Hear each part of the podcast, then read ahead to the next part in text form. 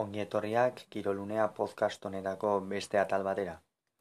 Gaurko honetan pilota izango dugu mintzagai nagusi, izan ere gaur jokatu da Bizkaia torneoko lehen finalerdia baikoren adarrari dagokion finalerdia soiube eta anboto taldeek jokatu dute eta azkenerako anboto taldea izango da Bizkaia torneoko lehen finalista soiuberi bi eta bat orokorrean irabazita. Hiru partida jokatu dira bertan, gogoratuko dugu formatua lehenengo lauterdian, ondoren binaka eta oazkenik buruz buru kantxa osoan direla, eta beraz, hiru partida horien analisi egingo dugu. Beraz, besterik gabe, has gaitezen. Beno, lehenengo partidan, lauterdian, agirrek eta peina bigarrenak jokatu dute. Tolosarra zen favorito eta pronostikoak ongi baino hobeki bete ditu emezortzi eta bat irabazi baitio. Asier agirreri xeatu egindu goinetik pasadu erabat iruin semea eta honen bestez lehen puntua eman dio partida asera aseratikan asko jokatu baino gehiago esango dugu ausart ibili dela Jonander Peña ez da, beti behar bada ausardia hori edo ukatzen zitzaion, etzelain ausarta buruz buru aurrera joaterako garaian, bada hori erakutsi du gaurkoan ez da, sake errematera nola joaten zen zuzenean, eta alde horretatik min handia egin dio. Bestalde eragin handia eduki du ere partida seran agirrek asko galdu dela eta ez duela bat ere asmatu ez da. Azken finean agirrek dominatzeko zeuzkan pilotetatik ez du bakar bat ere asmatu eta benetan oso oso peinaren hankazpian ibili da une oro. Saiatu da pare bat jokalditan sekulako kurpila ematen biparetei berakain gustuko dituen jokaldi horiek, baina ez du etzaio bakar batean ere atera eta agirreri horiek ateratzen ez pazaizkio ba, ba ez dauka zer eginik ez da.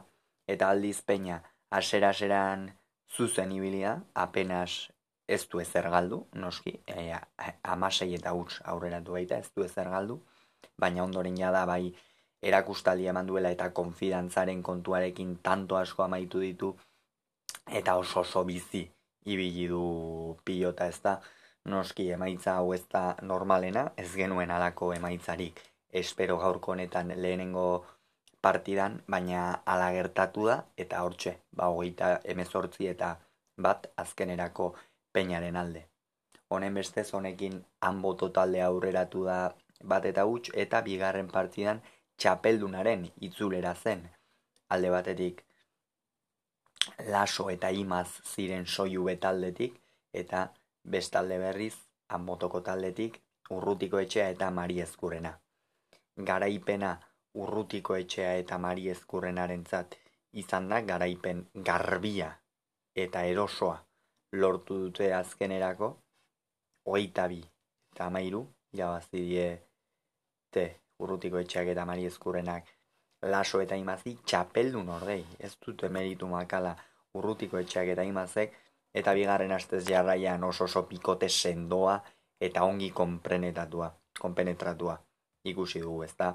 Asko asko jokatu dute bi aste hauetan zehar bi pilotari hauek eta gaurkoan ere ala ala demostratu dute, ezta? Partida zeran, ba bueno, urrutiko etxeak sekulako erakustali eman du, tanto asko amaitu ditu horrez gain lasorien aurka ere jokatzen jakindu, txapeldunaren aurka jokatzen ere jakindu eta horre eta hori esperientziaren aldetikan ba, garbi, garbi ikusi da ez da. Bestalde unai laso ez dugu bat ere ongi ikusi, bere maia digan oso, oso, oso, oso baju.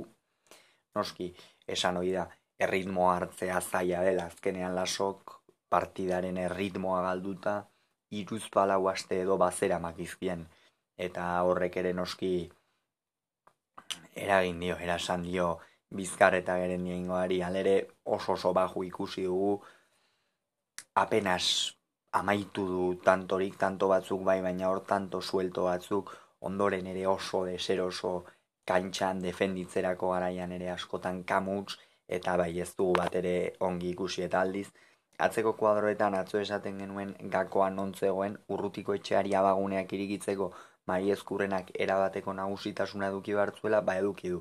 Mari Ezkurrena benetan sekulako unean dago, sekulako joa dauka, pilotak ere galtzen ditu, baina joa are gehiago dauka, eta horrela jarraitzen baldin badu erne, urrengo urteetako atzelaririk onenaren inguruan hitz egiten hariko baikara. Sekulako mailan dago une honetan Jon Mari Ezkurrena, binakako txapelketa amaitu zenetik uste dut sekulako mailan dagoela, eta gaurkoan ere alaxe demostratu du handerri mazune oro mendean eduki du, handerri mazek mendean edukitzen zuenean ere ark pilota are gehiago baztertzen zion eta are gehiago atzeratzen zion, eta hori esan behar da imazek ez duela partida txarra egin, imazek ongi jokatu du, baina kontua da Mari Ezkurena beste maila batean ibili dela, eta horrek urrutiko etxeari abaguneak iriki, eta noski urrutiko etxea ere, urrutiko etxeak ere asmatu behar zuen, asmatu du, eta sekulako bikotea osatu dute eta benetan oso bikote interesgarria. Urrutiko etxak eta mari ezkurrenak osatzen dutena lehenengo zatian esan bezala eraban nagusi ondoren lasok eta harrapatu dituzte baina ondoren berriro ere joan egin dira eta azkenerako gehieta bi eta amairu amaitu da norgeiagoka eta azkenik jada honekin bi eta huts aurreratu da anbotoko taldea eta azkenik eh, eraginik ez zuen partidan bakaikoak eta alberdik jokatu dute. Bakaikoak emezortzi eta zazpi aixe irabazi dio alberdiri partida zera oso oso oso oso gogorra izan da espero genuen bezala atzo esaten ari ginen. Partida gogorra espero zela. Partida oso gogorra espero zela badalaxe izan da gaurkoa ere. Partida oso horra izan da, aseran amaiera baino gehiago noski. Aseran, bueno, bakaiko aurreratu da, baina alberdi ere estutzen hasi zaio, bizi ibili du pilota aseran alberdin, baina bakaikoa demostratu beste bain ere zenolako pilotaria denez, pilotaria da, bakaikoa, pilotaria da. Eta hori erre, eta hori asko, hori asko ikusten da, kantxa barruan ez da ez du inoiz presarik, tanto amaitzeko beti gogortu egiten du partida pilotari gorra, eta hori bagaurkoan alberdiren kalterako izan da ez da. Eta noski, lehenengo zatian hori, partida gogortu eta bigarren zatian jada sakea izan da gako, sakea asko asmatu ditu, eta horrez gain oso zuzen jardun da, bakaikoa apena eseman dio aukerarik alberdiri, eta honen bestez, bagaraipena etxarri harraren izan da, eta behintzat, soiubeko taldea garaipen batekin joan da etxera bizkaia torneotik, ez da? Zierbenako aipatu ondoren, ez du aseran esan, baina bihar beste finalerdia jokatuko da. Oizek eta gorbeiak jokatuko dute asperen adarreko finalerdia.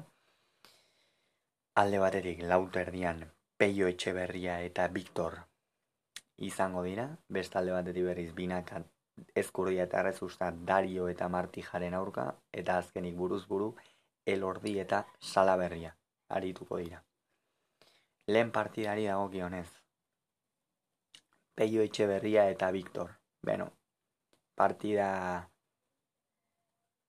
Peio Etxeberria favorito zat hartzeko partida ez da. Lengoan ez du esango, irribarriaren aurka sekulako partida jokatu zuenik, baina bai, elezkanoren aurka asko jokatu zuen. Asko, asko, asko jokatu zuen. Elezkano gainetik pasa zuen, abadino matienan, asko jokatu zuen, eta partida hori erreferentziatzat hartuta oso favorito da. Bihar peio etxe berria, lehen partida horretan.